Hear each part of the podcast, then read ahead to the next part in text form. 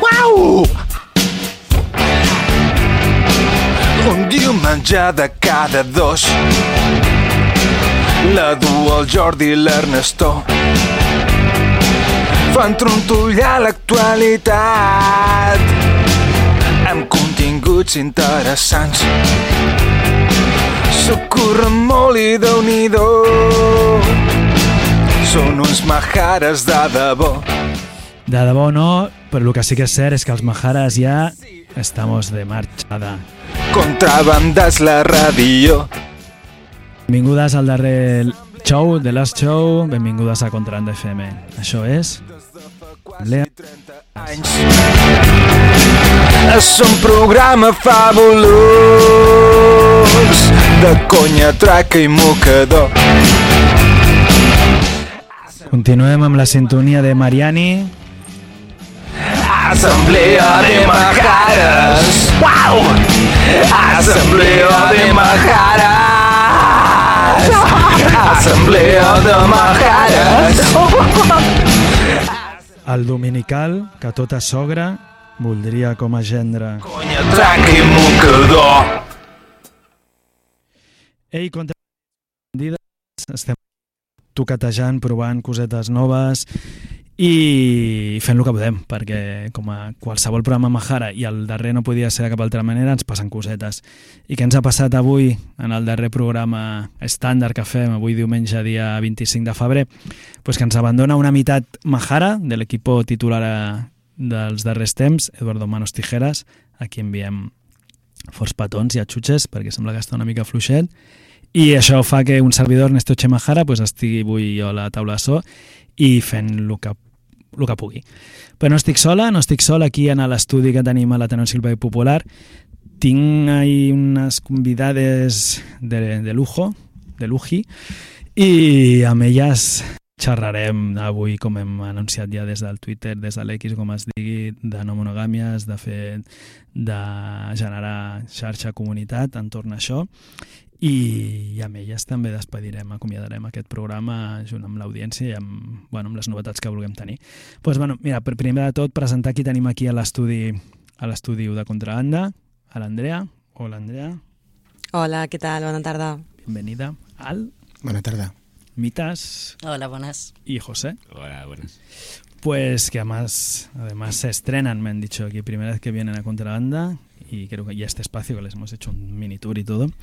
Doncs això, amb elles xerrarem d'això que hem comentat. També, evidentment, pues no, no podem evitar xerrar de cosetes de la ràdio. Comentarem alguna cosa, alguna activitat convocatòria lligada al 8 de març, com, com cada any quan s'arriben, s'acosten aquestes dates. I, I, bueno, no sé si plorarem o no, però bueno, sí que us donarem alguna informació pràctica també de, de què serà de los Majaras. Nos vamos a jubilar, nos pillamos ahí, nos vamos a ocupar una casita en Benidorm o què, què diantres va ser de nuestra vida. Pues us ho explicarem, o no.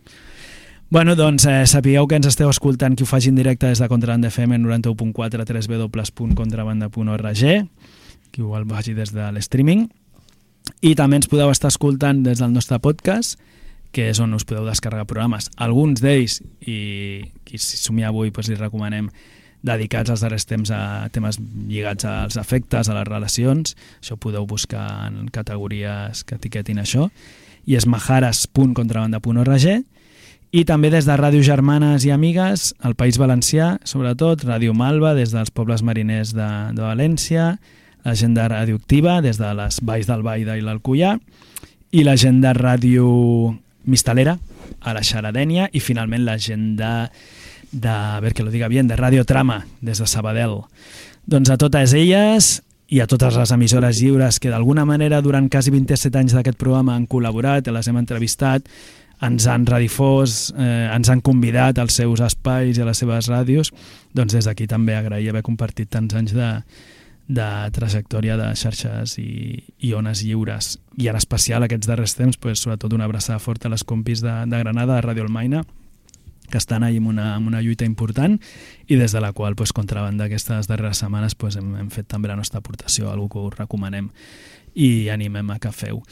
Eh, ja per acabar, pues, eh, recomanar-vos també visitar la nostra web de Contrabanda FM perquè pues, allà s'informa de com podeu col·laborar i sumar-vos a aquest col·lectiu i també novetats i notícies pues, del tipus d'incorporació de programes nous o, per exemple, aviat es penjarà un, un programa, una emissió especial que es va fer en viu cobrint uh, un evento que es feia aquí al barri en, en aquest propi espai.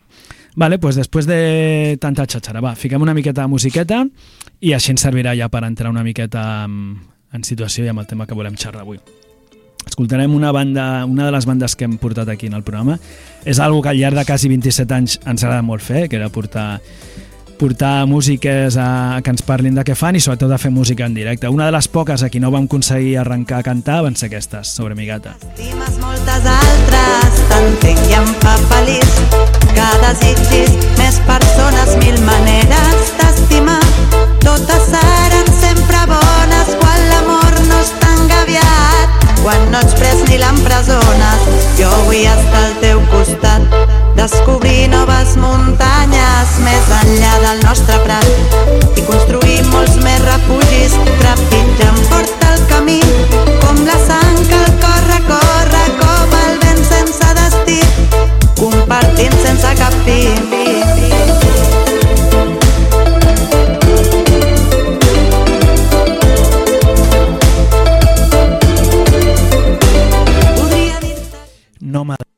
sobre mi gata i us recordem que qui vulgui contactar per enviar-nos música o el que sigui en aquestes darreres setmanes que encara estarem mirant el mail assembleamajares.gmail.com assembleamajares La suma dels seus astres pel teu vent deixa tan dur.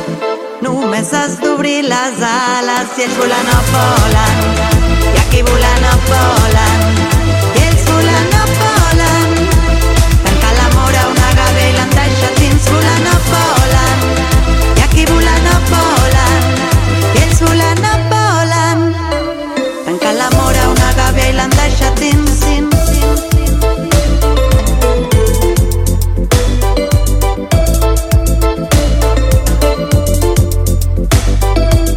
i si algú ens vol seguir del Twitter, l'X, l'única xarxa social on estem, pues Assemblea Majara, en singular i en castellà.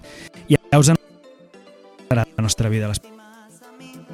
i que estimes moltes altres. T'entenc i em fa feliç que desitgis més persones mil maneres d'estimar. Totes seran sempre bones quan l'amor no és tan gaviat. Quan no ets pres ni l'empresones jo vull estar al teu costat descobrir noves muntanyes més enllà del nostre prat. I construir molts més refugis trepitjant fort el camí com la sang que el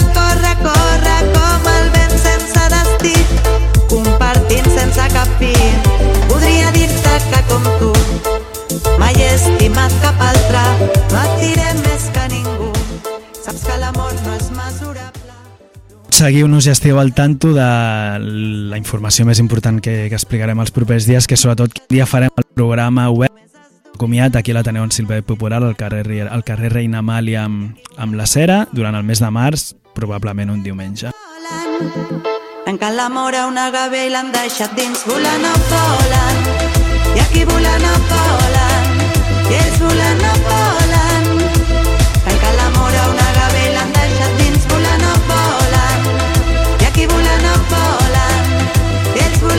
Volen. Tancant l'amor a una volen.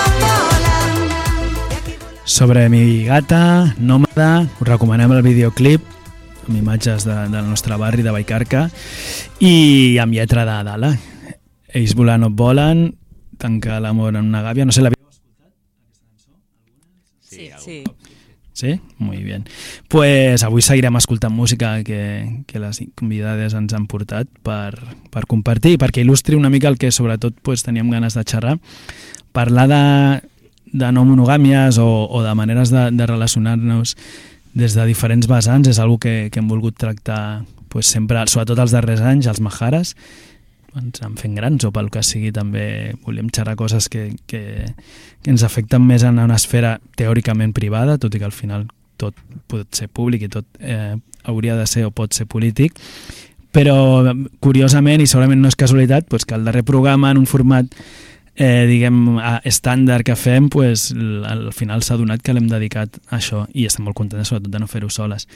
Llavors, jo ara, quan xerràvem amb els micros baixats, amb les convidades, pues, dèiem, pues, potser una cosa, una manera que podem arrencar com fem habitualment, és que també, si us volíeu com presentar bueno, més en profunditat també d'aterrar una mica en, en la vivència personal de cada un en la mesura que vulgueu de, de com, com heu aterrissat o com, com viviu no? la, les no monogàmies. Si, si potser aquesta cançó, el que ens cantava aquí la Neus, pues, també dispara algun, alguna cosa en què ens sentim identificades i a partir d'aquí ja anem, si us sembla, xerrant.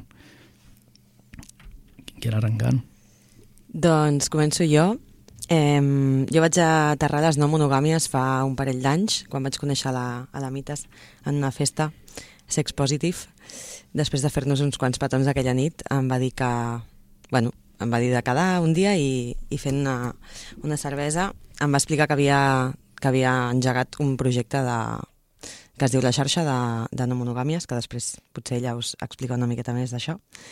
I, i jo en aquell moment bueno, no, no havia entrat no, en les no monogàmies, havia experimentat relacions una mica lliures, però mai amb, amb consciència, que diguem. I va ser tot un descobriment, la veritat, conèixer-la ella i, i a partir d'aquí doncs, entrar en aquest, en aquest col·lectiu, no? a fer xarxa, com, com bé diu la paraula, i, i ja us dic, o sigui, va ser un, un bàlsamo, no?, que digo jo. Eh, a nivell de, de construir doncs, totes les... Mm, els patrons que tenia jo en relacions monògames anteriorment. Um, a mi el que més m'agrada explicar de les relacions no monògames o de, o de com m'agrada viure les relacions a mi en general és que les cures estan com molt descentralitzades de, del model relacional de parella no? que tenia abans i, i bueno, que ho relaciono sempre amb les expectatives, no? Sempre havia tingut moltes expectatives vers una persona concretament i ara m'agrada que la meva xarxa estigui construïda per diferents persones i que amb totes elles tingui una vinculació diferent, no? I, i això, una miqueta. Moltes gràcies. Sense ànim de, de jerarquitzar, però sí de bueno, ordenar, ni que sigui de, de derecha a izquierda ahora en la mesa. No sé, Al, si te apetece seguir. Vale. Yo, mira, aprovechando que estamos en un espacio así de como bastante libertario, me he fijado ¿no? en, la, en todas las, las salas que hay el contenido. Yo vengo mucho del movimiento libertario de Madrid, solo llevo dos años viviendo aquí en Barcelona.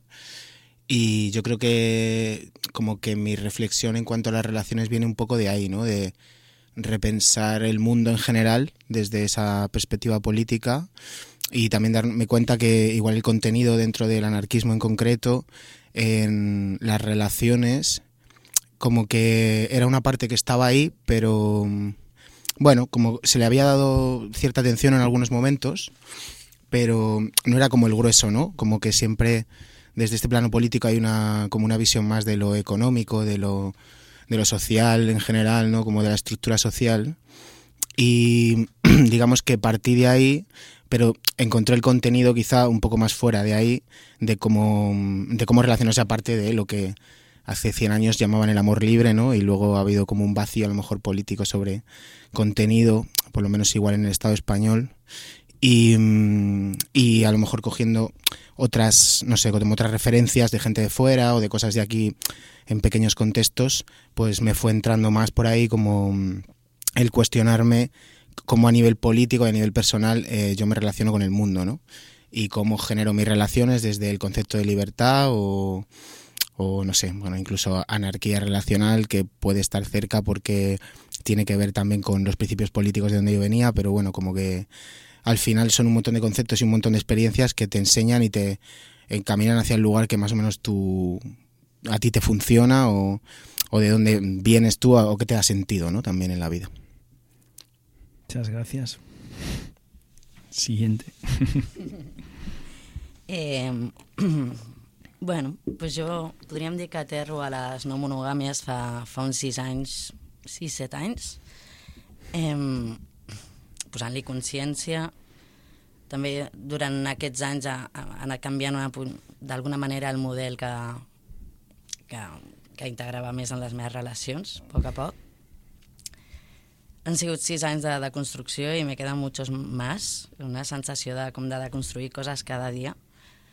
Molt intens, molt potent, molt necessari també poder tenir no, un suport, una red eh, persones que puguin entendre i sí, la sensació que, que no pares de construir tot el que m'ha après d'amor romàntic i és com aquesta batalla immensa i és el que crea més dur. bueno, almenys a mi personalment m'ha creat més, més dolor en els vincles que, que he creat. Aquesta deconstrucció que, que, que sembla que sempre està una mica allà.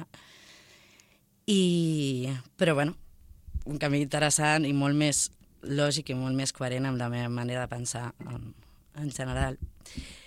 Eh, això que deia també de, de la necessitat no? de, de suport i de, i de crear xarxa, d'aquí també s'inicia pues, una mica el, el col·lectiu, el projecte de, de la xarxa, que fa uns tres anys i pico, que vam iniciar juntament amb el José i a poc a poc es van assumant altra gent, pues veiem aquesta part, no? aquesta necessitat de poder compartir experiències, d'aprendre de les experiències d'altres, d'entendre que potser ens faltaven moltíssimes experiències, moltíssimes visions i, i realment està sent molt interessant en, en molts sentits tant com a sostén com a red, com a personetes que, que estan allà, que t'entenen, que t'escolten i com també el poder de poder construir juntes moltíssimes coses i, i res, pues, molt interessant, la veritat. Muchas gracias. Y José, por alusiones también, ¿no? sí. Bueno, ¿qué tal? Bueno, pues yo en cuanto a, a las no monogamias, ¿no? A, a, sentir de esta forma las relaciones, quizás es algo que desde siempre de alguna manera está ahí, ¿no? Y, y bueno, pues, eh, pues, pues desde, desde, joven, pues aprendiendo a, a, relacionarme de esta manera, de la forma más honesta, más coherente posible, ¿no? Eh, cagándola mucho también. Y, y bueno, y esto, y hace eso, unos años, como dice Mitas, pues, eh, pues surge esta idea de, de, de, la necesidad, esta necesidad de, de, hacer red, de hacer red entre, entre personas con esos valores en común, ¿no? Cuando somos personas que tenemos clara que queremos relacionarnos de esta manera, es necesario que nos, que nos unamos, ¿no? Vamos un poco contracorriente. Eh, también, como decía Al, ¿no? Eh, pues tengo una mentalidad pues, eh, cercana a los valores del anarquismo desde hace mucho también. Y es cierto que desde ese lugar muchas veces no se, no se piensa en, en, las, en las relaciones personales como parte de activismo. Sin embargo creo que es, es, es esencial. Y aquí pues, estamos en, pudiendo encontrar con, con, el colectivo. Ahí estáis en ello, construyéndolo, ¿no? Mm. Bueno, yo escuchando eh, de cómo aterrizáis, ¿no? Un bueno, cómo aterrizáis o cómo, que, cómo habéis transitado para, para al final vivir también la, las monogamias como algo central, entiendo, en vuestras vidas y sumando, podríamos sumar experiencias de, de, de otras personas. Aquí, pues bueno, yo un servido, como hemos ha, ha hablado en otros programas, pues de desde otras eh, realidades o, o, quizá de otra manera, pues también eh, intentamos apostar por cierto modelo vinculado a las no monogamias. Pues bueno, uno también ve que, que, que no, no monolítico eh, es, ¿no? Esta, esta que, que también a veces se, se trata en los medios con, con simplismo o con, con, una mirada única, como si con las monogamias se hiciese, ¿no? Que todas las relaciones monógamas fueran iguales y evidentemente eh, eso no se ilustra así. Y interesante, como mencionabais varias, de vosotras, que también hacéis una lectura política, ¿no? Cómo vincular la, quizá luchas que hasta o intereses que ya estáis teniendo en un ámbito más político al también a lo privado, la esfera está más racional. En este sentido, y la, lo que nos motivaba también a, invitaros era ver lo que habéis también ya sacado un poco, que era, era esta ganas de, de ver si construir círculos o comunidades o red sería quizá la palabra nos ayuda os ayuda también, habiendo apostado cada uno con una intensidad o un objetivo o de una manera distinta a las monogamas, ayuda a, a, a, solventar o al, al, no vivir en esta soledad o individualismo que, que algunos pensamos que, que nos, nos lleva a esta sociedad, ¿no? ciertos valores, sea cual sea tu modelo de, de relaciones, de familia, como le quieran llamar.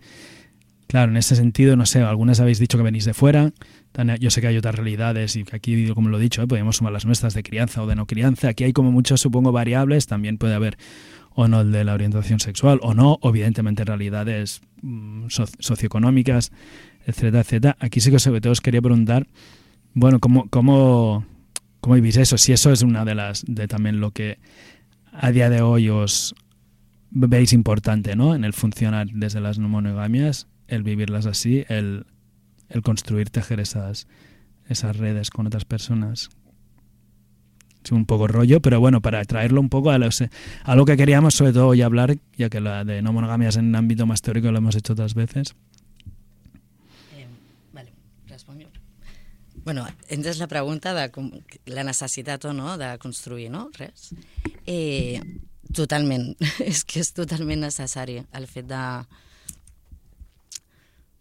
el fet de que, de que tu puguis comentar diferents malestars que tens i, o la teva manera de relacionar-te amb altra gent que no relaciona com tu, al final, tot i una empatia i, i un acompanyament, és com molt complicat eh, realment que t'entenguin i, i també potser a, alguna vegada pues, també la gent se sent una mica confrontada, confrontada perquè seria com...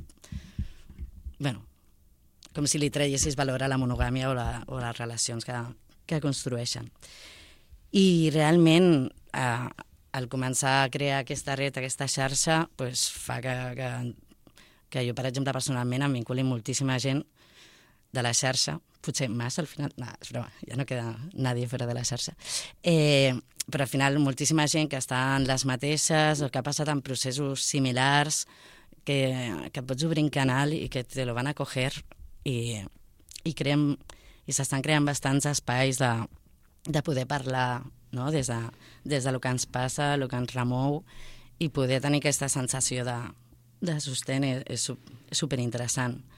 Per altra banda, també hi ha altres coses com que estan passant de forma natural, persones que necessiten alguna cosa, eh, jo què sé, pues una operació, un acompanyament, un tal, d'alguna manera s'està com creant aquesta red, aquesta xarxa, que, si, que no cal que una persona o dues eh, siguin les que estiguin pendents de les teves necessitats o cures i que són diverses persones la, les que poden estar allà. I, hosti, dona com molta seguretat. Clar, amb el que dius, bueno, queda clar que, que va més enllà del que podrien, o molta gent pot entendre per relacions sexoafectives, no? Però Clar, bueno, clar. això potser ens porta a parlar de què entenem per relacions sexoafectives també, no? Sí, de fet, m'agrada molt que diguis això perquè el tema del sexe és, és una cosa que sí que volíem com una mica anomenar no? en algun moment. Em, el sexe sempre ha estat molt lligat a la relació de parella i, i clar, no és que tampoc prengui un paper totalment secundari perquè el sexe és una cosa que sí que compartim entre moltes de nosaltres, però que no és una cosa que pre predetermina el model de relació que tenim amb la, amb la resta, no? O sigui, eh, que tinguem sexe o no amb una persona no, no determina la relació que tenim, no? concretament entre nosaltres. No? Em, I bueno, quan, en, en això de fer xarxa, no? al final pues, amb una te'n vas de viatge i amb l'altra potser també i amb l'altra pues, no comparteixes una cosa i amb l'altra doncs sí, no? i és com una mica aquesta sensació de que tothom pot tenir com un lloc molt especial a la teva vida, no? realment. M'agrada com pensar que, que tothom és una mica especial a la meva vida i que no és només una sola persona, no? en aquest sentit. I sí, sí, el tema bueno, de les relacions sexoafectives, clarament, o sigui, hi ha, hi ha una part de, de la sexoafectivitat que crec que està molt lligada a la intimitat. A mi és un concepte que m'agrada molt, molt també parlar d'aquest, perquè la intimitat no té a veure només amb que comparteixis fisicalitat amb algú, sinó que té a veure amb que comparteixis una part de la teva, del teu univers emocional, per exemple, no? de, la, de la profunditat, de les teves ferides, de les teves pors, de les teves inseguretats, quan et relaciones amb l'altre, no? I, que, i que facis aquest procés d'obertura no només amb una persona, sinó amb moltes alhora, i que a més a més aquestes persones entre elles també tinguin eh, diferents relacions, a mi és que això em sembla d'una riquesa espectacular. O sigui, això fa que, que, la, que la diversitat en si sigui, faci que, que la teva vida sigui molt rica, no? molt rica d'experiències, de, eh, de tarannàs, de, de maneres, de perspectives, de maneres de mirar la vida i de, de viure-la, no? Així que, bueno, això una mica. Si us sembla, i seguim ara xerrant d'això, podem fer un, un paró musical perquè tinc la intuïció que la, una cançó que portàveu eh, té molt a veure amb això, no? Potser és fruit d'això, si la voleu presentar, i llavors seguim xerrant sobre les que no heu parlat ara. Doncs sí, justament um, fa un any eh, jo tenia una, una vinculació així bastant intensa amb dues personetes, que són Ale Bosia, que és la persona que, que va com crear més la, la cançó aquesta, i l'Aran, que també és una altra persona amb la que, bueno, que van crear juntes aquesta cançó, i és una cançó que parla de, de la relació que teníem una mica entre les tres, però també amb tota la xarxa que teníem al voltant de personetes amb, la, amb les que ens relacionem i bueno, parla de la llibertat d'estimar i de, i de com aquesta llibertat ens fa més vives. Le damos i després litera literàries per qui vulgui aprofundir això. Ui, se escuela otra. A tientas, ¿no? Si no me equivoco. Sí,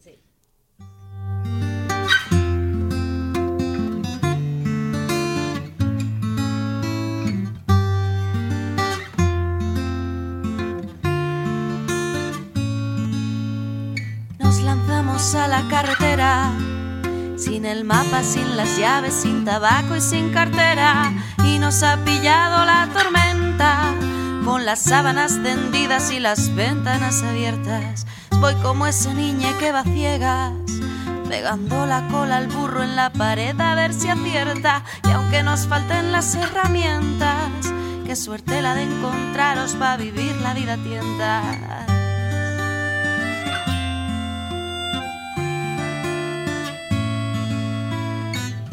Mi maleta va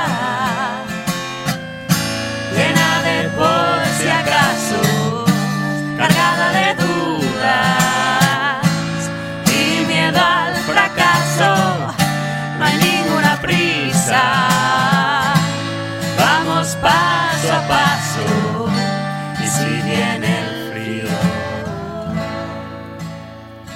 nos sobran abrazos.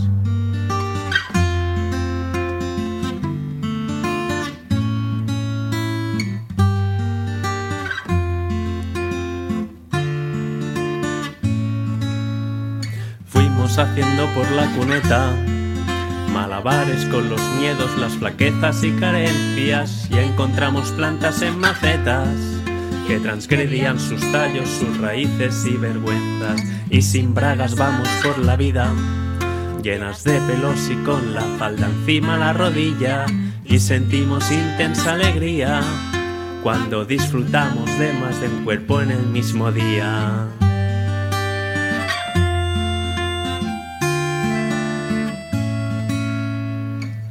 Mi maleta va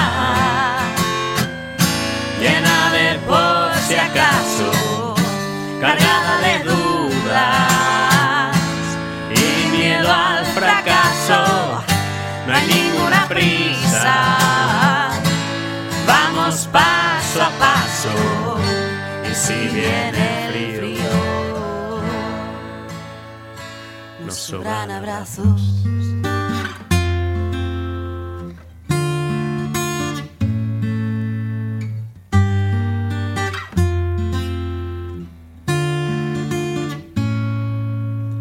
Fácil varias pieles en la cama, pero la gestión de varios corazones no es tan clara. Mitad de precio. Y el centro se nos desubicaba al entender que no siempre ha de ser dedos la cuchara. A veces nos pudo el polidrama, pero era más fácil hablarlo y no andarse por las ramas. Nos pintamos miedos en la cara y acariciamos...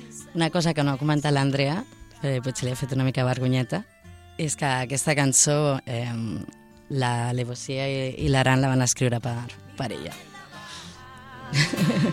no, no ho he comentat. si acaso, cargada de dudas y miedo al fracaso. No hay ninguna prisa, vamos paso a paso. Y si viene paso a paso, però sí que hi ha alguna prisa perquè al final la ràdio parece que no, però el tiempo passa volando, eh, per molt majares que siguem. I bueno, com us dèiem, també volíem anar eh, fent també el punt d'alguns llibres que, que ens, ens semblen, o almenys a mi m'ho semblen interessants lligats a la conversa que estem tenint. Al llarg de fer programes sobre parlar de no monogàmies, que com us deia abans podeu recuperar en el nostre podcast majares.controlanda.org si aneu al tag a l'etiqueta sobre efectes, emocions i sexualitat i bueno, portant gent fa anys no, de Poliamor Catalunya o parlant de les jornades Amors Plurals o, o anant-hi ella en directe o al darrer cas, per exemple, vam tenir la Sandra Bravo que ens venia a presentar el seu llibre però per no repetir referències que elles mateixes ens deien, pues ara escoltant l'Al, quan, cuando hacías ¿no? tu presentación, has mencionado eh, también la relacional, que es un, es un modelo, no es el que eh, forzosamente todas las no monogamias funcionan, pero puede tener mm, conexiones con esta visión más libertaria que, de la que quizá algunos, algunos de vosotros venís, con este también, o no, eh, concepción del apoyo mutuo, que también tiene mucho que ver con, con ideas eh, también pues más libertarias que, que tra- traen lo político también a la esfera más privada. Pues eh, lo comentábamos con, con otras compis, de hecho con alguna compi de la serie que me, dejó este libro, este cómic que yo recomiendo mucho, novela gráfica se llama ahora, perdón, que es Anarquía Relacional con textos de, de alguien que ha pasado por estos micros, en las zonas de amores plurales como es la Roma de las Heras, guion de Beatriz Herzog y participación también de Belo Atance, Nazaret Dos Santos y un prólogo de Laura Casillas y que los haga la gente de Con Tinta Me Tienes, que, que es una editorial que, que acostumbran ¿no? a, a trabajar estos temas hasta hace poco invisibilizados en el mundo editorial. Entonces lo recomendamos.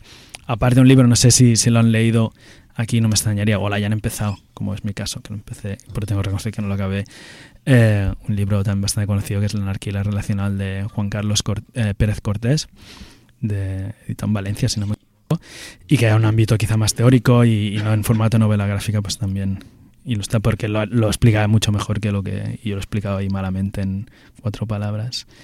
Bueno, pues y quizá ligado también a esto, ¿no? Ahora eh, habéis, sobre todo Mitas, Andrea, habéis hablado más de, de- del tema de, de la red, de cómo buscar, cómo incorporar esto y que va mucho más allá de las relaciones sexoafectivas. No sé si queríais también complementar algo. Sí, José. bueno, sí, sí, no, muy de acuerdo. O sea, al final todo esto se trata de, intentar descategorizar un poco ¿no? el, el lugar donde ponemos las relaciones, ¿no? jerarquizar eso un poco y darle valor a, a todo tipo de relaciones que tenemos. ¿no? Y, y pues sí, pues el sexo, al final la sexualidad es algo más que compartes pero, eh, con las personas, que es algo importante. Pero eh, tratamos de que eso, o sea, yo trato de que eso no haga que, esas relaciones tengan un valor superior o, lo, colo- lo coloque, a las personas en un lugar distinto, ¿no? Todo tiene la misma importancia.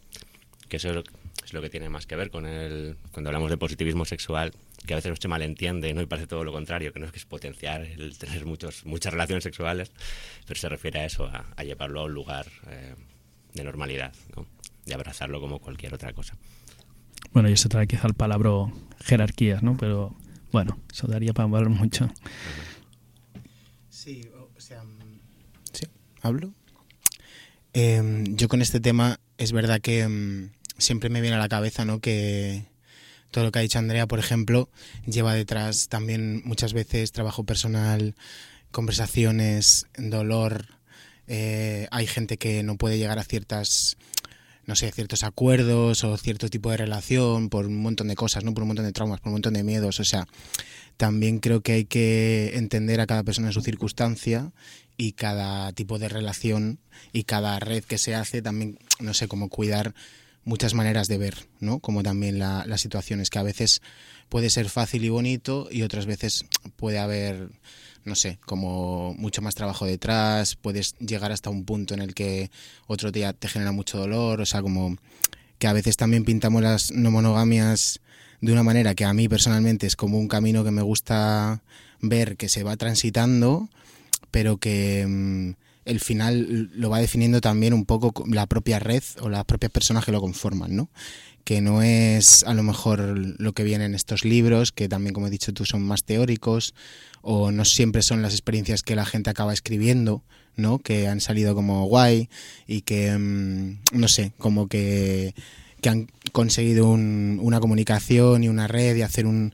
No sé, no sé si me estoy explicando. Bueno, decir. ca- casos de éxito, querrías decir. Sí, o sea, yo creo que todo puede ser éxito, pero no, no todo tiene la misma experiencia para a llegar, ¿no? Como que hay gente que eh, en esos modelos relacionales eh, puede quedarse en- un lugar que no a lo mejor no es el lugar de eh, poder estar en comunicación con todas las partes de la red, eh, poder llevarlo todo bien, que todas nos conozcamos, que nos, eh, nos hagamos una canción, ¿no? Entre las, o sea, como me parece increíble y a la vez no es la única realidad Claro. ¿no? Y también es importante eso, tenerlo en cuenta, ¿no? Porque creo que a veces cuando hablamos de no monogamias, pues, eh, no sé, como podemos el idílico de, de- de algunas cosas que, que llegamos a algunas personas y que transitamos también en relación a, a posibilidades y a también incluso a veces a situaciones de privilegio, ¿no? Y que habría que ver también cómo se viven en otros contextos totalmente diferentes, que al final esto es Barcelona, Europa. Bueno, ya sin irnos muy lejos, ya yo justo ahora eh, escuchándote me hacía pensar en, en eso y, y lo que nos han dicho otras invitadas en el pasado, que sin ir muy lejos ya solo verlo desde el ámbito metropolitano ¿no? de una gran ciudad como Barcelona o Madrid donde tú vienes ya no es lo mismo que, que, un municipio más pequeño del Estado español mismo, sin ir muy lejos, ¿no? Eso Sandra precisamente, Sandra cuando presentaba el libro, todo eso que no sé cómo explicarte a mi madre, que de alguna manera lo que habla es de salir de varios armarios también y como pues en un pueblo pequeño quizá no es igual, como no es quizá igual para una mujer que para un hombre, para un alguien un hombre cis que para quien no se identifique así y ya no digamos ya pues más lejos, ¿no? El, último programa aquí tuvimos una persona trans de un país lejano de la antigua Unión Soviética y que si por algo por alguna razón no quería decir de qué país venía era por algo y aquí entra igual que los privilegios pues también el tema de los riesgos, ¿no? No son no pone todo el mundo lo mismo en juego, ¿no? Supongo. Eh, bueno, aquí también otro elemento mencionábamos ahora y que a mí me apetecía también hablar, no es ni mucho menos el, el único, pero bueno, a mí al menos pues, tengo que decir que ahí tengo eh, reciente, pues al haber coincidido con varias personas de, de este grupo, de este colectivo que ya mencionáis, la Xarxa, en este caso pues estaba Mitas también o, o otra gente que, que quizá nos está escuchando, se hizo un encuentro para, para reflexionar y poner en común el, eh, cómo se pueden vivir las no monogamias con relación a la crianza desde distintos roles o situaciones, tanto de ser protagonista de un proceso de crianza como no, no serlo, pero sí estar relacionado, vinculado con alguien que sí, estando las progenitoras separadas o no, criando, co-criando en comunidad o no, etcétera, con edades distintas, con números y colores y lo que sea distintos de, de hijes. Entonces, eh, eso, bueno, a partir de cierta edad también ya tiene una relevancia importante. Como después vamos a hablar de otras cosas, como la edad misma, ¿no? Cuando no es lo mismo tener 20 años que 60. No sé también cómo mm, si queréis um, comentar algo al respecto fuera de Eh, bueno, volia comentar... Clar, vam coincidir amb l'Ernest en aquesta dinà dinàmica, perquè també des de la xarxa es van creant dinàmiques autogestionades eh, i aquesta va ser una dinàmica que era tan interna de la xarxa com per persones que no estaven a la xarxa però els hi podia interessar sobre criança i no monogàmies i la veritat que va ser super, super interessant. Eh, S'està mirant de fer una altra en breus perquè es va quedar molt curta. Eh, super interessant compartir les diferents realitats de les persones de les diferents persones eh, que estàvem allà.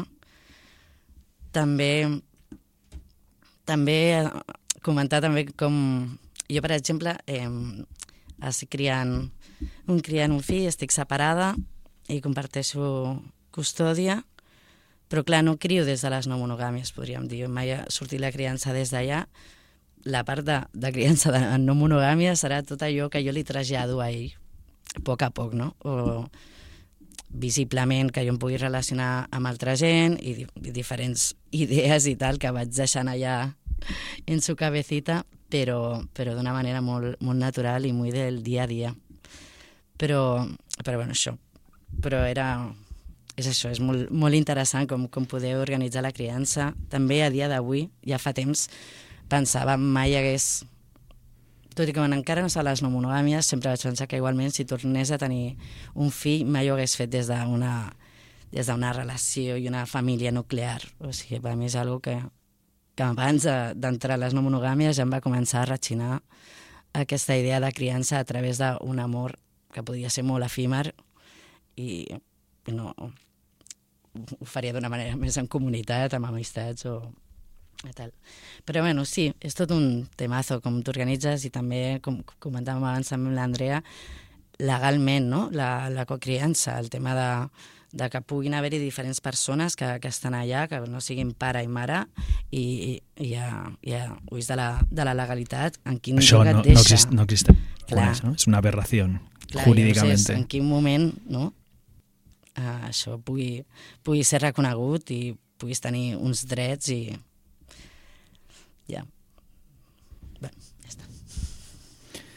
Bueno, eh, en, aquests, eh, en aquest àmbit, eh, sense voler allargar-nos amb això, em, també us recomanem, en el seu moment, quan vam anar a les Amors Plurals, vam enregistrar una, una xerrada que qui estigueu escoltant des del podcast veureu que la linkem en aquest post, on diverses persones des de diferents vivències eh, de la criança pues, parlaven de, de com, vivia o com atravessen això amb les no monògames, una xerrada que es deia Poliamor i criança, el títol és, és clarinete, i, i bueno, pues allà es debatia, es debatien temes i, i, i, i des d'una manera pues, també interessant fins i tot per projectar en, en, en un públic a una assistència que sobretot era més jove i que potser quan tens 20 anys escassos pues, pues, ara en, en les edats que actualment pues, eh, es cria pues, no, no projectar no?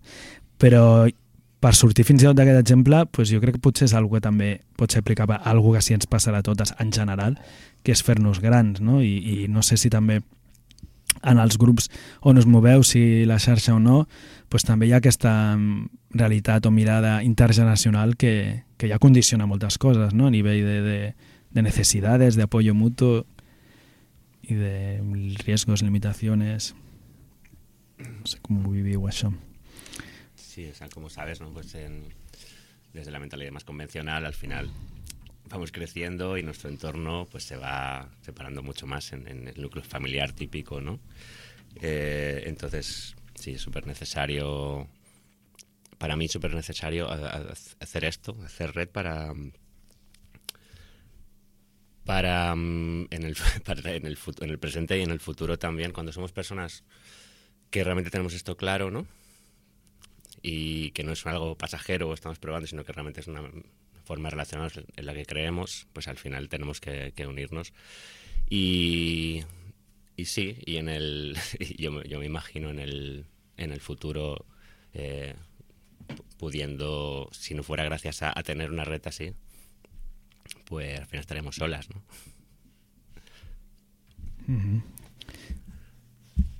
Eh, yo me pregunto también si te apetece compartir cómo es para ti esto, Ernest, que a ti también creo que te atraviesa un poco.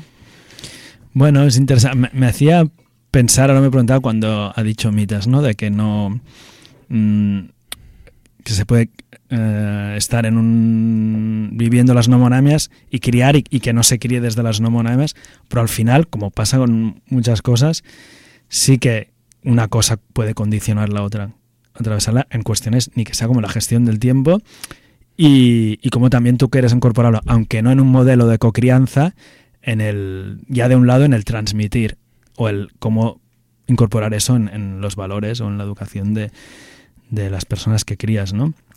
Yo ya en ese, en ese lado para mí es algo que yo le doy mucha importancia, me planteo cómo incorporarlo poco a poco, aunque no en todos los vínculos quizá, y aquí soy sincero, en las que te, eh, me he relacionado pues de igual manera o con el mismo ritmo, pero sí que ya sea algo que, que incorpore mi hijo que viva por, la, por lo mismo que decía José, algún, bueno, o Mitas lo comentabas, quizá de a mí también siempre me ha chirriado, independientemente de las no monogamias o monogamias, el, el, el, el modelo de pensar una familia nuclear eh, pequeña que solo progenitores y hijos, seas los que sean, ¿no? Seguramente por un contexto también familiar o de otro de origen en otro país donde es que estamos muy solas realmente y que, no era así antes y ya, ya, solo por eso pues creo que solamente nosotros ya no estamos a tiempo de, de haber crecido bueno no sé cómo habéis crecido vosotros pero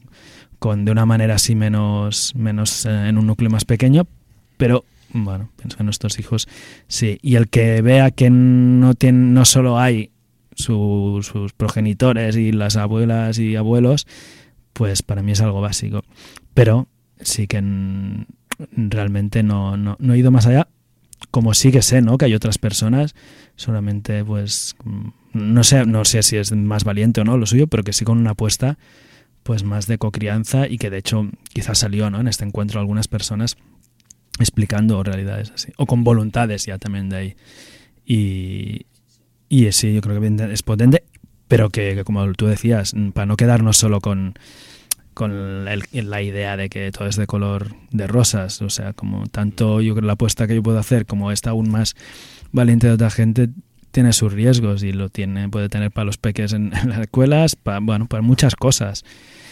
Entonces, mm, bueno, eso nos puede llevar, seguramente todas lo habéis vivido, no sé cómo lo gestionáis también, el tema de, del salir de los armarios, o no sé si para vosotras el también juntaros, relacionaros en, en una red con gente que, que está con, est- con esta idea o con este modelo similar, con diferencias cada una, pero similar, os solventa el tema de no tener que salir, de, de- batallar en, en mil ámbitos, ¿no? En el laboral, en el de las compis, del, del insti, las del barrio, las de quien tenga hijos, pues la de los madres, padres de, del cole, no sé, yo lo he vivido eso también, ¿no? Y que he ido saliendo del armario con al- alguna gente, aunque desde un modelo que el mío no deja de, de, de- de no ser tan disruptivo, pero o, o no, o no va por ahí tampoco la ley. Supongo que, que la cada uno tiene objetivos distintos, supongo. Pero ese es otro elemento, ¿no? Quizá que ha salido siempre hemos traído gente aquí, lo de los armarios.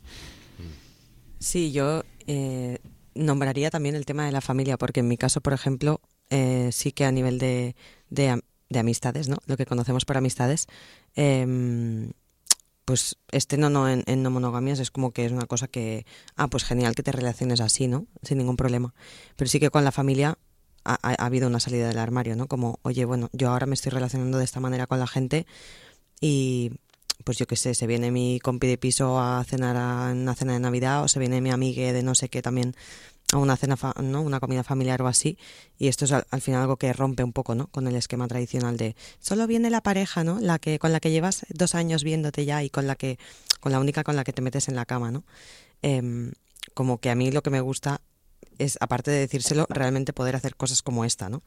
Para que, para que al final pues también conozcan a esto que yo le llamo mi red, ¿no? Y que, y que vean que son gente, pues al final, pues normal, gente pues de a pie, ¿no? Eh, y con la que tengo una relación de amor, de cariño, de amistad, de afecto, de cuidado, con la que genero también unos vínculos de seguridad, ¿no? Una seguridad que no me, no me la da, como decíamos antes, ¿no? Eh, el tipo de relación que tengo con esa persona, sino simplemente el hecho de que, que esté compartiendo la vida con ella, ¿no? Eh, eso con, o sea, para mí era, era importante decir esto de, de la familia, sobre todo. Sí, sí, en lo que he enumerado, pues mira, me he olvidado la familia, que es el frente casi principal, ¿no? A veces. Eh, clar, jo pensava ara, no? a on he sortit de l'armari amb tot això?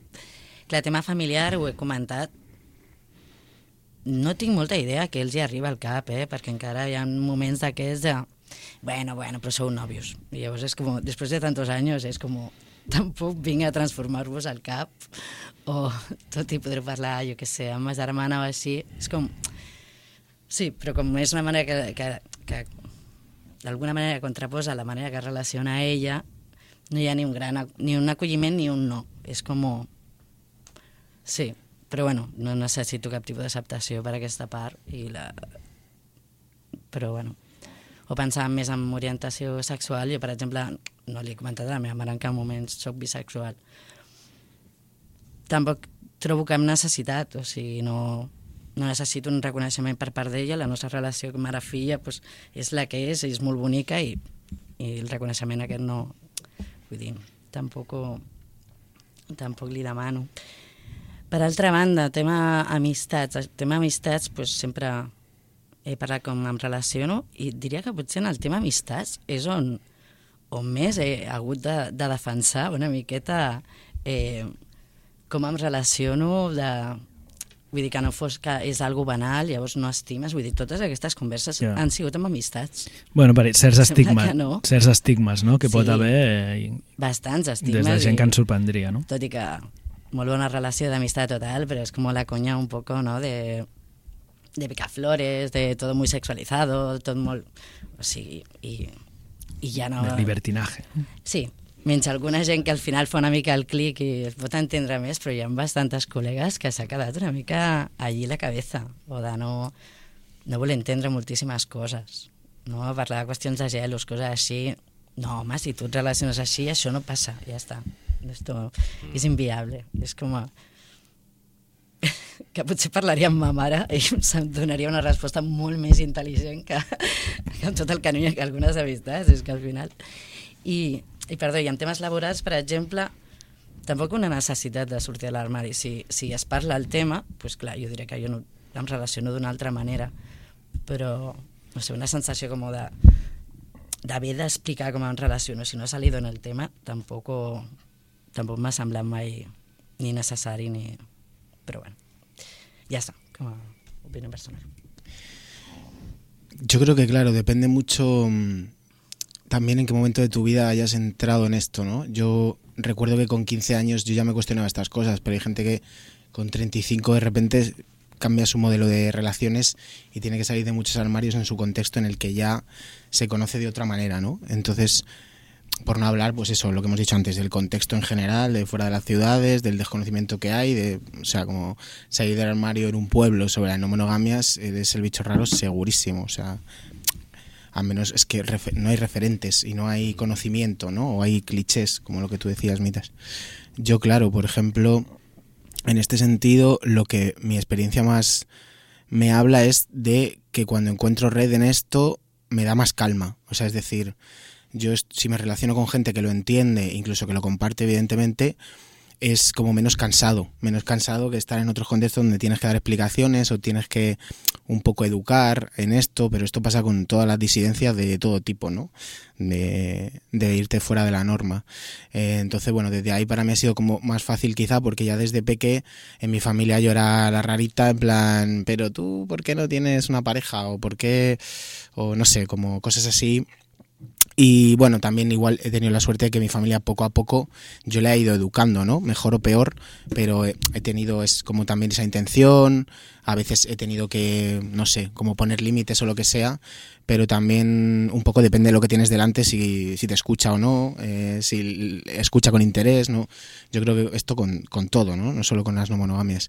Y luego desde ahí, claro, la experiencia de de salir del armario, igual yo por ejemplo personalmente no la he vivido tanto por eso, porque ya vengo con eso de serie, ¿no? no es, o sea, yo no de repente me he visto nunca en una situación vital en decir voy a contar esto aquí, no sé, como algo raro, ¿sabes? Como que me, presento de muchas maneras y una de ellas puede ser esta, ¿no? ¿no? ¿no? que sea lo primero que digas, pero ya se te conoce desde ahí. Entonces, claro, esto eh, versus mm, otras realidades es muy diferente, pero bueno, eh, siempre hay como algo de, mm, no sé, según vamos avanzando más y creando más qué, imaginario colectivo hay sobre las no monogamias y quitando clichés y demás, menos situaciones a veces hay que vivir sobre eh, ser una cosa rara en un contexto diferente y, y sentir que nadie te entiende, ¿no?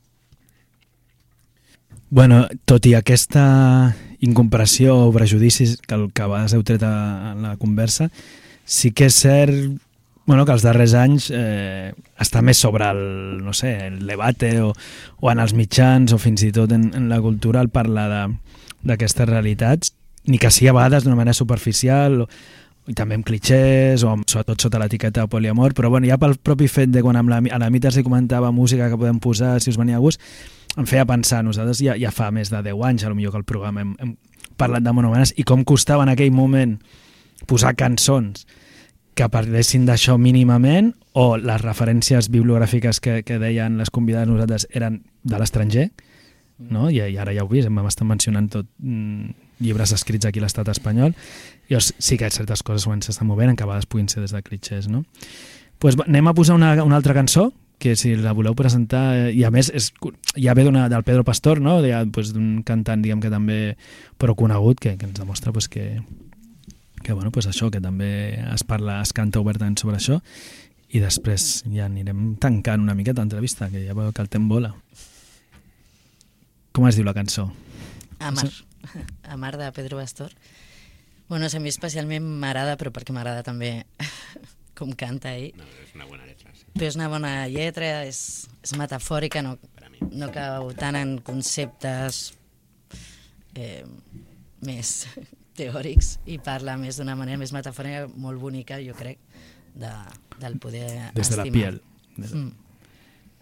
Vinga, recordeu que esteu a Contrabanda FM 91.4 www.contrabanda.org L'últim Chau Mahara, penúltimo.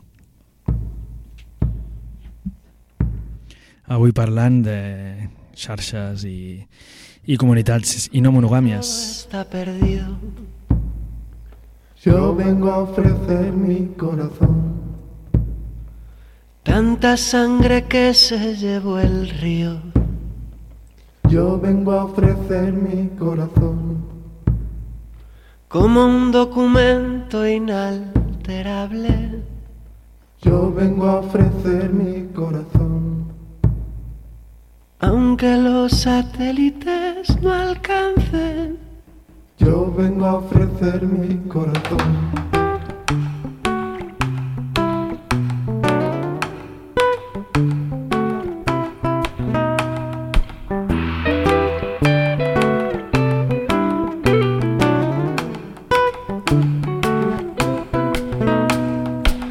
Querían enseñarme a amar a su manera, que atara el porvenir, que no le permitiera trepar la enredadera de otros cuerpos, colgarse de otras risas, colarse en la boca de otras fieras. Fieras. Me habían preparado la cartilla sencilla. Decía que no dijera la verdad si no me apetecía que me hicieran las cosquillas hoy a mí. Hoy aquí, hoy ahora. Amar sin condiciones, amar sin esperar. Amar, amar por dar no más, no más por dar amar. Sin amarrar.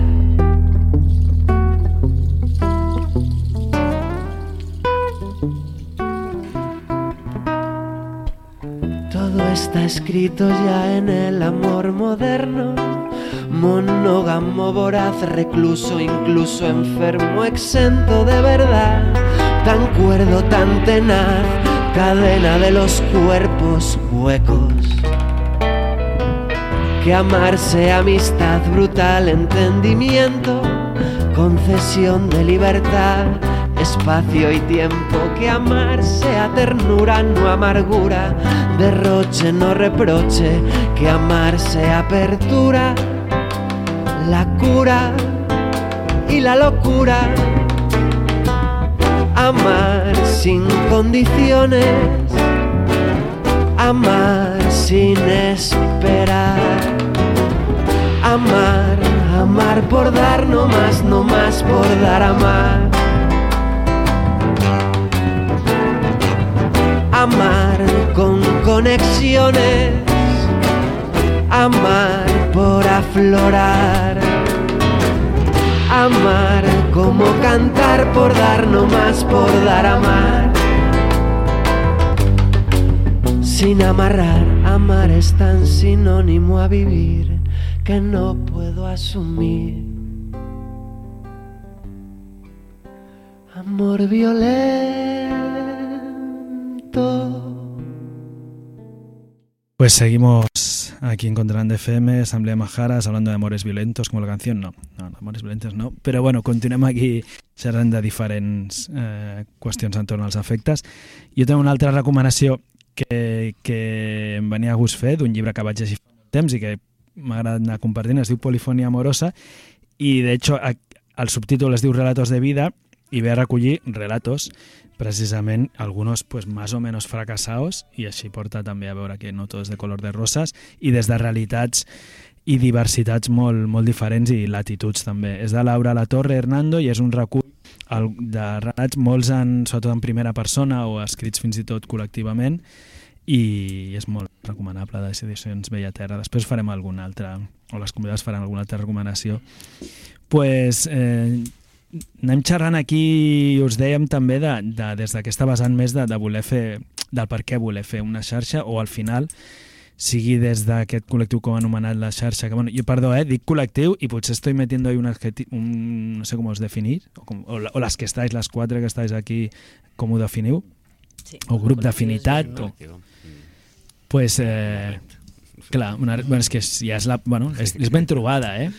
Ah. La veritat. Bueno, hi ha una cosa que del, Sí, ho, ho he comentat no, amb persones que, que sé que en, que en formeu part no, i que ara no estan aquí en aquesta taula, vàries, pues, trobava molt, molt potent i interessant per, per la, la vessant més de no, no, no, no treballar tant on, cap a fora, no? que he conegut altres col·lectius que tenen això, hi ha la gent de Xams que fa una feina que creiem, aquí sempre l'hem eh, promocionat com molt potent, no? aquest aplec on també es, es debat i, i és cap a fora, sinó que entenc pues, més un poco hacia adentro, ¿no? hacia el grupo y, y es un curro, por lo que hemos estado diciendo vosotras, súper necesario, ¿no? porque ya vemos todo lo, cómo, cómo está montada la sociedad y qué gaps encontramos a, a quien quiere vivir des d'alguna ma- d'alguna manera sí. Llavors aquí, no sé, el que ja per anar tancant, què voleu comentar al respecte? De quines experiències creu interessants que s'estan donant a aquest grup? pues hem fet eh, moltes dinàmiques a la xarxa. És una cosa que, o sigui, és del, el que més ens agrada fer, són dinàmiques, a part de trobar-nos per, per fer oci, que també. Eh, doncs fem... Bueno, anomenaré algunes d'elles i, i si no després les, les meves amiguis pues que afegiu més, més info, però eh, per exemple una vegada vam fer un debat no, que érem, no sé si 20 persones o així, sobre, sobre el concepte d'anarquia relacional, no? I allà, doncs, cada una doncs, doncs deia, pues mira, per, para mí la anarquía relacional es esto, para mí lo otro, no? I al final com construir un, un imaginari molt més gran no, del que tu tens sobre un concepte com és l'anarquia relacional, per exemple, però també hem fet altres dinàmiques sobre gestió de, de gelos o sobre consentiment com bastant vivencials, no? Um, de, per exemple, trobar-nos això, 25-30 persones en una sala, no? I posar el cos en joc, no? Posar el cos en joc, eh, aprendre a posar límits, aprendre a dir que no, donar les gràcies quan algú et diu que no i coses així, no? I després una altra dinàmica que ens agrada molt és el sentires, que és bàsicament hola, quiero hablar de que me está pasando esto, eh, me estoy sintiendo muy insegure cuando mi compa me dice que ha quedado con otra persona, que es el temazo, ¿no? Por excelencia, que, que nos atraviesa a todos un poco y, y es como, pues quiero hablar de esto, ¿no? Y nos juntamos 5, 10, 15, las personas que, que sean, para, para hablar de esto, ¿no? Y poner en común, pues, qué herramientas uso yo cuando me pasa esto, em, cómo me siento, al final un poco como también para buscar esa validación o ese reconocimiento del eotre o, o, ese, o ese reflejo, ¿no? Como, ah, pues es que yo también me siento así, ¿no? Y, y pues no te sientes tan sola, ¿no? Cuando te das cuenta de que hay otras personitas a tu alrededor que están transitando lo mismo que tú, pero que tienen otras maneras de vivirlo de, o de enfrentarlo. Eh, sí, per exemple, aquesta dinàmica que comenta ja dels sentires és una dinàmica que sempre està oberta a qui vulgui poder-la com demanar i o també es pot fer d'una manera més col·lectiva. Vam fer una sobre bi bisexualitats que realment va ser superinteressant.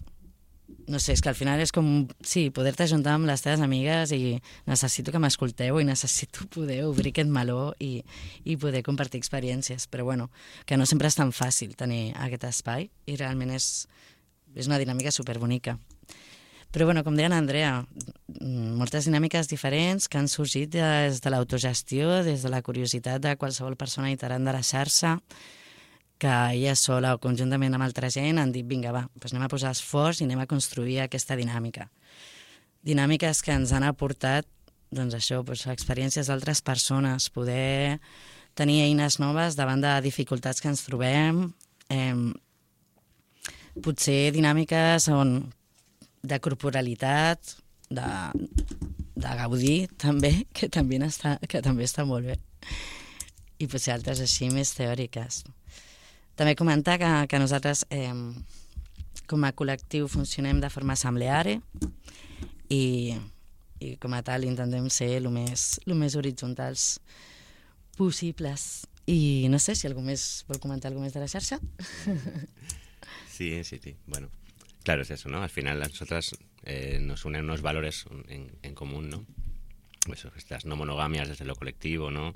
Eh, el- filosofía sexual positivista y, se trata de eso, como decía Anita, pues de, que sea un espacio lo más horizontal posible y es, eh, sin embargo, hay algo que, mm, que siempre digo que no se puede protocolarizar, ¿no? No puedes ponerlo por escrito, pero eh, sucede desde hace mucho tiempo en la Xarxa, o sea que yo estoy muy contento con eso, que es que veo una voluntad muy grande, hay una volu- voluntad ya muy grande de, de cuidarse, de escucharse, ¿no? De darse, darse voz a todas, ¿no? A diferentes disidencias. Hay esa voluntad y es un reto y es difícil, nos encontramos con muchos retos ahí también, no todo es color de rosa, pero... pero creo que ya hay un núcleo muy fuerte en la Xarxa donde, donde ocurre esto, de que la gente tiene una voluntad muy grande de, estar, de dar a cambio de nada, ¿no? Solo por el mero hecho de estar aquí. Eso es lo que me parece más revolucionario de lo que está ocurriendo. Y cualquier persona eh, desde, en cualquier momento puede proponer herramientas, eh, dinámicas nuevas. Siempre van surgiendo cosas nuevas porque surgen necesidades nuevas, ¿no? Bueno, jo escoltant-vos, clar, es, eh, ajudeu a fer caure també clichés, no? com mencionaves abans, en el sentit dels típics que la gent, pues, quan comentes sobre això i pensa que, que quien està en les no monògamies pues, és un harto de, de follar allí i que tot és, és jauja i heu, heu parlat de cures i de suport mutu, de gestió emocional, ha sortit el tema del consentiment, les dissidències, bueno, que és com per estar entretenido, no? i que en el fons són elements que bueno, estan, poden estar lligades, o vosaltres ho vinculat a les no monogàmies, però que en veritat no tenen per què estar-ho, vull dir que són coses que, que, que, bueno, que estan allà sobre la taula i que molta gent també l'està treballant, estigui o no en les no monogàmies en, la, en les relacions sexoafectives, no? Però, bueno, d'alguna manera és trencar aquests, aquestes imatges preconcebudes. I algunes, ara, ja que parleu de xarxes, un, un llibre que veig que heu llegit o que recomanàveu, crec jo vàries, eh, parla de certa manera potser d'això, no? Jo, clar, l'acabo de començar, poco más del prólogo llevo. Sí, el llibre de Una red segura, em, el subtítol és eh, Apego, trauma i no monogàmia consensuada de Jessica Fern. Em, a mi em sembla un llibre molt interessant, sobretot a la part del final. O sigui, tota la part del principi parla molt de, de l'apego, no? Eh, i, I això és que ho lligo molt amb, amb tot el que he dit jo, crec que al principi, a la, a la intro una mica, de, quan parlava de mi, i de totes les expectatives que jo li havia posat a les meves relacions monògames eh, que tenen a veure amb això, no? amb aquest apego un poco ansioso por mi parte, ¿no? de, de querer mm, tener amarradita a la gente cerca de mí y tener mucho miedo, mucho miedo a que se, a que se vayan de mi vida. Eh, I llavors el llibre contextualitza molt tota aquesta primera part com una mica des de la psicologia, diria jo, o des de la psicologia emocional d'aquest apego, no? I de com construir relacions en les que aquest apego pugui ser el més saludable possible per les dues parts, no? Eh, dic dues perquè sempre et relaciones amb una altra, encara que sigui amb vàries, no? I, i després, a la part del final, a, el, que, el que fa és un lligam entre tot aquest apego del que et parla amb les eh, no monogàmies, no? I amb com et relaciones amb la teva, amb la teva xarxa. Eh, sí que penso que té, em posaré una mica crítica amb això, sí que penso que té una visió una mica sobre, més focalitzada en el poliamor, no tant en l'anarquia relacional, que és el model al que jo em sento més, més propera, tot i que tampoc m'agrada definir-me en aquest, però sí que al final jerarquitza una miqueta no? en, en alguns tipus de relacions, sobretot en les sexoafectives vers les altres. I, i això, a, afegeixo, ja que estem parlant d'aquest tema, una cosa que no, no em volia oblidar de dir, que és que, que una cosa que té la no monogàmia que em sembla molt interessant i que és que, que quan, en, la, en la monogàmia, quan tens una relació amb una persona, una relació de parella, no? convencional, quan deixes de tenir aquesta relació de parella, ja està. Pum, se esfuma de tu vida esta persona, deja de existir, deja de respirar i, i perds no només el vincle amb la persona, sinó amb tots els vincles que has creat i amb totes les coses que has creat al voltant d'aquesta relació, d'aquesta persona. I en la no monogàmia això pues, no, no, no passa o no és la idea de que passi, no? Després si passa perquè de manera orgànica o natural passa així, doncs està bé, però la meva experiència és que les relacions s'han transformat, no? Amb, amb la mites mateix. Vam començar a tenir una relació pues, que era més romàntica, sexoafectiva, no sé què, i amb el temps això s'ha anat transformant perquè, hòstia, doncs és que de cop doncs, potser ja no em ve de gust doncs follar amb tu, o potser no em ve de gust com tenir aquesta relació d'aquesta manera amb aquest nom i en el moment que li treus l'etiqueta el vincle es transforma i, i, i agafa un, una forma que és molt més amable no? per les dues i cada cop, hòstia, és que t'enamores de la persona des d'un altre lloc tan, tan bonic, tan bonic i te'n vas a sopar amb ella i estàs fent un vi, et mires als ulls i dius uau, quina complicitat, no? I, i que, joder, és que això trasciende totes les, les putes fronteres de, del mundo, no? I no sé si... Expressions, no? Com? El treure les pressions, no? També, o les expectatives a lo que li posàvem més l'etiqueta a una vinculació sexoafectiva. I llavors, a la, a la que tot això se'n va, és com... És com, oh, yo me puedo relajar, no te tengo que gustar, ya te agradaré si, si te da agradar, ¿no? Es como un... Sempre, però bueno, Somos tú y yo, hacemos cosas. clar, no ja està. Sí, sí, sí. Bueno, després el bo que té és aconseguir jugar, bueno, jugar o transcendir les etiquetes no? que, que ens ven a vegades més imposades, que té la seva feina darrere. No? Ara té una cosa eh, parlava que em feia pensar i em recordava potser no en el nostre programa, però un altre programa company fa anys doncs, va també parlar de poliamor portant diverses en aquell cas ho van focalitzar el poliamor, portant també diverses persones i algunes a, a parlant-ho des de, per exemple, l'àmbit de la teràpia, no? de, de com de la, de la gestió emocional, aquí daria per otro programa, no? I de fet nosaltres un cop també entrevistant a Mots Plurals vam entrevistar gent que venia de Madrid, que, que terapeutas que estaban en esto y iban diciendo, tratando también o trabajan dient los cadáveres que a veces quedan por el camino, pero cadáveres que, que quedan en general, también las relaciones monógamas será que no, que no, no se dan. Però bueno, amb el sentit que, que aquí cal tenir eines de gestió emocional i, i llavors és un dels reptes i, i, i ahí esteu, no? Que és, que és molt bonic, potent. Clar, això I una feina, que no? comentàvem abans, el tema de privilegis. O sigui, privilegi de poder fer una teràpia que et pugui acompanyar en això és, és, és genial. És, és, no està la... de, del temps, perquè li has de posar temps, li has de posar cap, li has de posar a transitar malestars també i, i, i potser si, pues el que dèiem, no? si t'atravessen diferents interseccionalitats, vull dir, no, no hi ha temps a, per, per a tot això. Jo li poso molt temps a això, perquè, perquè tinc la sort que, que li puc posar, però O, o que ho has prioritzat també, evi- evidentment hi és això i a vegades també amb la gestió del temps ens passa amb tot, també és un tema de prioritats sí, a vegades, sí, no? sí. Molt bé, i eh, Bueno, iba a cambiar un poco, iba a retomar algo de antes. Y es que, mm, bueno, como que estaba pensando en el aspecto colectivo, ¿no? De que, bueno, como que hemos entrado en otra cosa, pero me he quedado un poco con eso antes. Que mm, creo que eh, yo, que igual no he dicho nada antes, y mis compis sí, del, del tema de la salsa, en concreto hacer red, lo que más me ha sorprendido, que igual sí que yo pues ya venía un poco de experiencias de no monogamia, de saber, de leer, de experimentar, eh, al venir aquí a encontrarme esto es, lo has dicho un poco tú al principio, ¿no? Que hay colectivos que trabajan hacia afuera, ¿no? Y ya no es porque se trabaje hacia adentro, sino porque muchas experiencias de no monogamias que yo he vivido son personas que se juntan en el plano personal o, o tienen a lo mejor relación en espacios políticos, movimientos sociales, que de ahí a veces surge también, ¿no?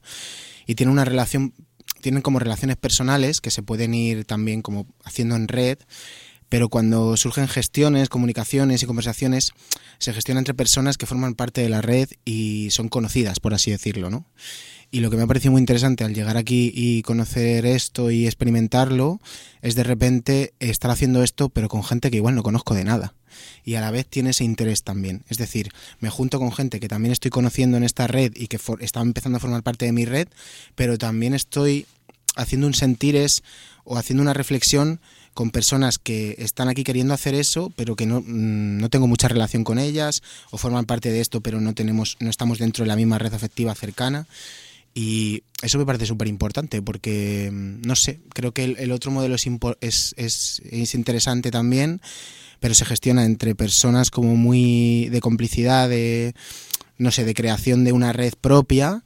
Y esto es, vale, tú vas creando tu red propia, pero también reflexionas con otras personas que no son tan de tu red. Y eso para mí tiene un, como un lanzamiento político, porque lo estás haciendo también de alguna manera más social y lo estás sacando hacia afuera, pero lo estás haciendo desde no desde dar una charla y decir que es la no monogamia, sino desde cómo estoy yo experimentando esto y lo comparto con, con otras personas, ¿no? Y no necesariamente solo de mi red cercana. De unido. Es que daría para muchas cosas. Y yo, bueno, nosotros lo- los majaras, de alguna manera, radiofónicamente hemos sido muy monógamas, para que engañarnos. Llevamos aquí casi 27 años. Ahora ya iremos explicando, ¿no? Nos- si nos seguís por la red, pues cómo también radiofónicamente empezaremos a experimentar las no monogamias y a vincularnos de otras maneras, pero yo os animo a fer ràdio. Crec que potser algo està por ahí, ¿no? Ahora también se, se le dice, bueno, y es hacer podcast, però no deja de ser hacer ràdio, perquè, bueno, és molt bonic, coses que heu explicat, molt potent. A més, hi ha moltes, no? Sou molta gent, aquí no ho heu dit, però habéis venido cuatro personas, pero hay, hay muchas más y esto es una riqueza Sí, y brutal, ¿no? A, a decir que es, es cierto, no lo hemos mencionado, pero es importante eh, que sepáis que no estamos hablando en representación del colectivo, no estamos hablando, sino a título individual de nuestra experiencia personal. de vuestra experiencia personal y que de alguna manera eh, también eh, con la propia xarxa, ¿no? Como parte de vuestra experiencia personal es el estar ahí, ¿no? Porque, claro, eh, si hablaras con otras cuatro personas, pues... Puede ser otra conversación. claro, evidentemente. Total. Bueno, quizá la escucharemos un día si, si os animáis a hacer ahí un podcast o lo que sea y que ojalá suene en esta, en esta emisora o bueno, donde vosotras queráis. Bueno, pues vamos a escuchar esta canción. ¿Alguien la quiere presentar? Y a ver si, si vamos rápido con agenda y con cosas, quizá nos da tiempo a escuchar la otra. Bueno, yo había propuesto esta canción por salirme de lo serio, Claro. eh, ponerle también una visión fuera de aquí, ¿no? Como de ese otro contexto, es una persona que, que no es del Estado español, lo que sea, es otro tipo, como otro tipo de música menos vinculada a lo mejor a temas de la no monogamia que asociamos a tipos de música o a gente que reflexiona sobre ello. Es simplemente una reflexión random en una canción concreta de una persona en la que se mete en este tema y me pareció interesante, sin más.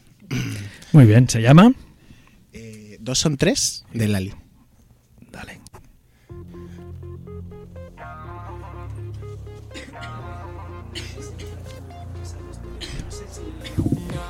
Decido cuál es mi preferido. Ay, Cupido, flecha, los dos te pido. Equilibrio, uno de cada lado. Ay, equipo, yo soy un buen partido. Pulsaciones siento latirme de dos corazones. Cuento con los dedos muchas más razones para escaparnos ya de este lugar.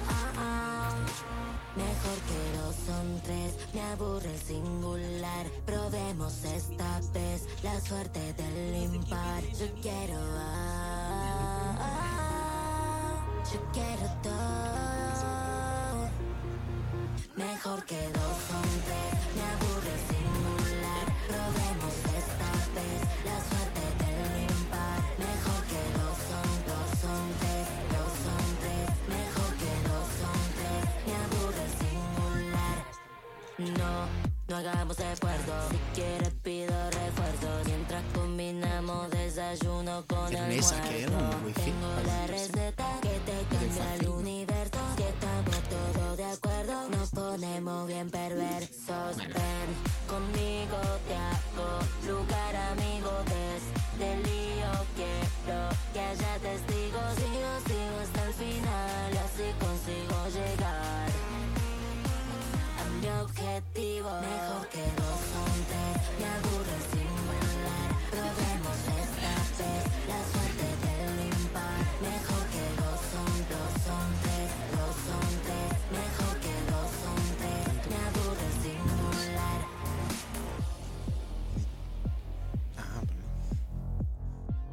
Ja a la recta final d'aquest darrer programa de l'Assemblea Mahara. També us recordem que Contrabanda FM segueix sempre a tope, que dins la setmana de vincular-se no monogàmicament a altres ràdios lliures, doncs el 23 de març faran el proper cadenazo de ràdios lliures, aquest cop dedicat a, a la situació del poble palestí.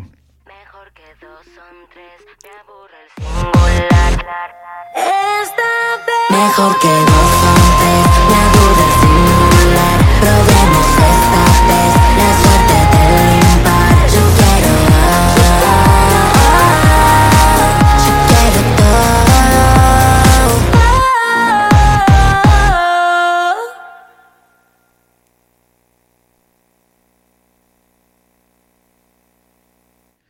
Molt bé, doncs ara eh, encarem ja la recta final del programa.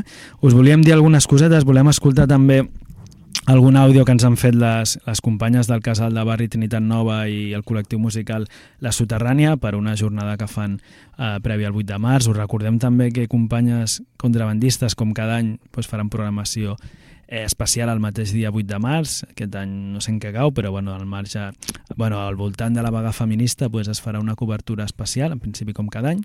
Si voleu estar atentes a això, pues seguiu escoltant el, el dial de Contrabanda FM o mirant a la web contrabanda.org.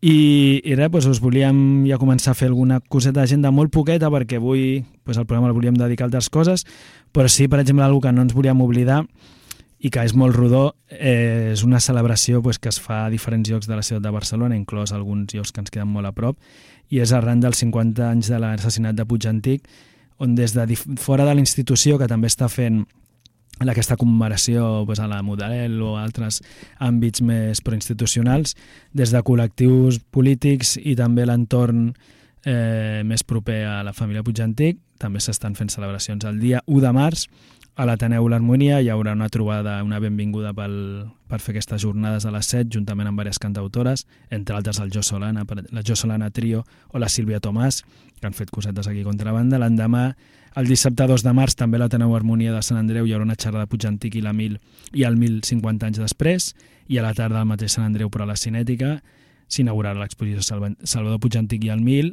a les 5 mitja haurà projeccions, a les 6 i mitja una, un debat sobre lluites actuals, a l'Ateneu Popular de Nou Barris. Tot això de la tarda, disculpeu. I a la nit, allà mateix hi haurà un concert amb també gent que ha estat fent a vegades també vinculada a contrabanda com són les Cumbia Caos, Insert Show, Ratpanades i Freedom Fighters. I finalment el diumenge 3 de març, i potser el que us, bueno, recomanem més o ens fa més il·lusió, hi ha en el cementiri Montjuïc la lectura al manifest a les 12, i a Baicarca, el barri del qual som algunes, i ja sabem que fa temps que s'està preparant, a les 5 de la tarda es tancaran aquestes jornades amb la inauguració d'un mural gegant que, que s'està fent a un espai autogestionat del barri, no us direm quin, però si aneu pel barri, per la parentia de Baicar que veureu, un mural pues, en memòria de Puig Antic i la seva lluita. Tot això organitzat per aquesta comissió que s'ha organitzat que podeu consultar a 50 anys salvadorpuigantic amb h final punt info.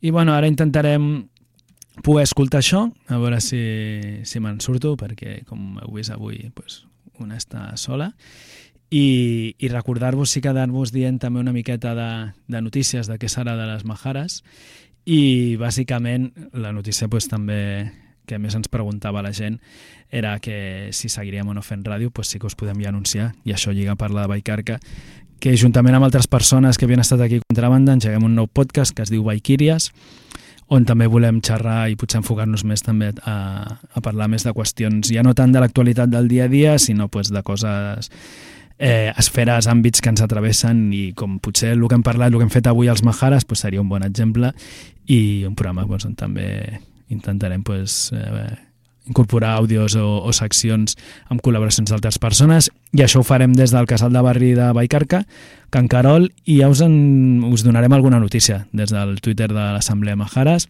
o sigui que ja podeu estar al loro. Pues venga, va, escoltem què ens expliquen la gent de la soterrània. Soy Luisa Cortés del Casal de Barri de Trinidad Nova Som La Pera. Eh, este eh, sábado 9, con motivo de la celebración del Día Internacional de la Mujer, tenemos varias cositas chulas y muy interesantes. El día 9, como he dicho, sábado, en Casa del Agua, eh, Nova, a las 12, un concierto de Marta Chantí, duet electroacústic. En terraza del bar del Casal de la Trinitat hay varias cositas. De 11 a 2, paradetas de artesanas. A la una y cuarto, bingo musical en Clauda Dona, con el servicio No Barris Conviu. A las 2, una calzotada. Eh, a la una y media también tendremos micro abierto y podcast en Clauda Dona. Poesía, monólogo, eh, cantautores, hay varios grupos de, de música, poesía, aquí y Zumba, de- Seré Invencible, Novia Fugada, eh, Mireia Villaseca, Canciones de Nadie, entre otros muchos más. Estáis todos invitados.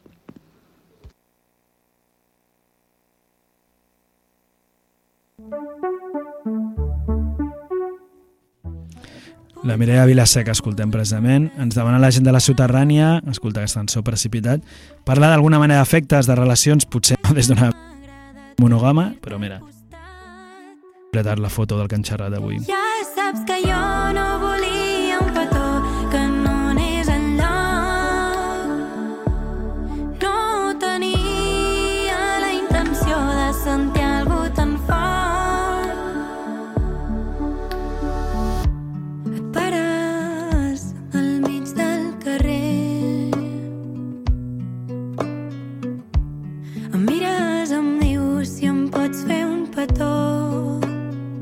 De precio y doble.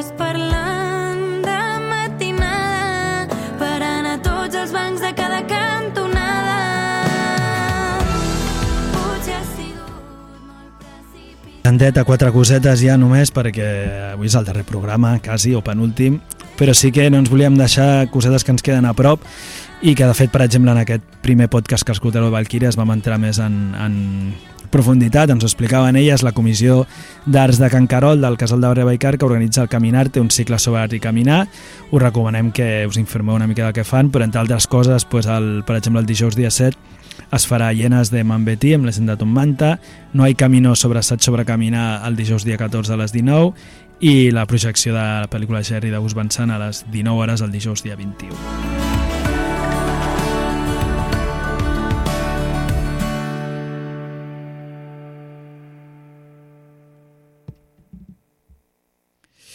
Molt bé, aquí quedava aquesta cançó, ben bonica, de Mireia Vilaseca. Li enviem molts petons i abraçades també a Eduardo Manos Tijeras. Eh, relació sexoafectiva, no sé si jeràrquica o no, però donde las haya, la dels Majares. Hem estat vinculats amb molta gent, en la nostra eh, pues, història Majara, però sí que des, de, des del primer dia, ja aviat farà 27 anys, pues, Eduardo Manos Tijeras i un servidor hem estat fent programa, avui no ha pogut venir, ens està escoltant, ens diu, des d'aquí li enviem pues, molts, molts besitos i esperem que recuperi. Com hem dit abans, estigueu al loro perquè durant el març hi haurà un diumenge segurament pues, que aquí te la teniu en Silva i Popular farem aquest programa, aquesta traca final en, en obert, eh, segurament amb música en viu i esperem pues, que, que pugueu venir, us convidarem a totes i, i res, pues estar una miqueta informades. També, evidentment, agrair tota la gent de contrabanda que, que ens ha estat aguantant y amb la qual pues también tenemos nuestros apegos y también hemos tenido nuestras historias, nuestros más i nuestros menos, com, com qualsevol relació, si ho portem així a, a la temàtica que hem tingut avui. pues bueno, amb això ja marxarem. I hi ha última coseta que també volíem xerrar perquè, bueno, perquè és una cosa que hem anat recollint els darrers programes, perquè altres programes de contrabanda també ho han estat dient i és entorn pues, també les mobilitzacions que, que s'estan fent de denúncia de, del que està passant a Palestina, de tota aquest, aquesta massacre que s'està perpetrant a Gaza i que, i que està pues, des de, evidentment, tot el món pues, surt, portant a la gent a sortir al carrer i fer diferents accions, a vegades descentralitzades, a vegades més centralitzades. Ahir va haver manifestació a Barcelona i, i altres llocs i segurament ni, ni seguirà ben setmana sí, setmana no. Però el proper diumenge, dia 3 de març, sí que hi ha una trobada que es diu Aturem el genocidi la plaça sortida del, del Poble Sec des de les 2 del matí i hi haurà pues, des d'exposició, hi haurà activitats musicals, hi haurà un dinar palestí, una sobretaula musical amb, amb diverses artistes, algunes vinculades amb Palestina, i a la tarda a les 4, a les 16 hores hi haurà xerrada amb activistes de la comunitat palestina, per acabar amb diversos DJs, entre elles la Misec, que hem tingut aquí un cop, i, i també amb un espai, si no m'equivoco, infantil. Tot això organitzat per Aliança, una aliança monstruosa. Molt bé, doncs no ens volíem oblidar d'això. I, I res, doncs que marxem. Molt, bueno, penita, però amb moltes ganes també de, de canviar d'etapa. I també molt agraïdes a les convidades que han, que han vingut avui, que és un bon cierre, o casi cierre, voy diciendo todo el rato penúltimo programa, último, bueno, para despistar un poco. Us agraïm i jo crec que és, ha estat molt bonic que precisament el darrer programa pues, el dediquéssim a això i, i ho féssim amb una veu col·lectiva com, com la vostra. Guay, muchas gracias. Y eso esperamos escucharos también. Pero bueno, yo voy a ir chinchando con esto. Sí, ya la idea, ya la idea. Sí, no? De fer algun podcast, alguna cosa. Ah, sí. sí. Igual, igual. Que bé. Molt bé, doncs eh, marxem amb una cançó. Va, la darrera cançó que posem eh, en un programa Mahara, al que, que nos te, va a dar tiempo, vemos. Sí, Unos yo segundos. os traigo a Ravelo, que es un artista gallego de Pontevedra y también es como una, bueno, yo creo que es una eh, canción graciosa y también de como de definir una realidad muy concreta que, que igual está fuera de la típica imagen que ves de la no monogamia, ¿no? O yo que sé, como que es una experiencia diferente, es una persona eh, que yo creo que le atraviesan varias diversidades, ¿no? De no neurotípicas, eh, de género y cosas así y desde su, cómo explica, ¿no? Su vivencia. Muy bien, pues va, vamos a poner y se la vamos a dedicar también pues a la gente con la que nos sentimos vinculadas todas y ya la gente se dará por, por aludida. Muy querida toda.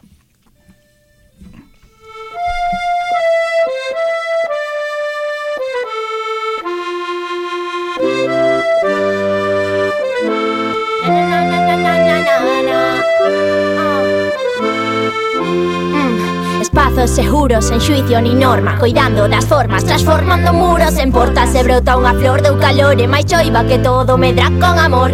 Quero unha rede afectiva de amigos e amigas Con seres humanos e jatos e canse con ratos para tapar buratos da alma e en calma sentirme animal. Así cando o mundo me tumbe sin tabaleiro Coller a cadeira e cantar e tocar e apertar unha man compañeira E sentir que a tristeza está ben e deixarme levar. La asamblea. De Majaras. Se va. ¿Por dónde ha venido? anarquía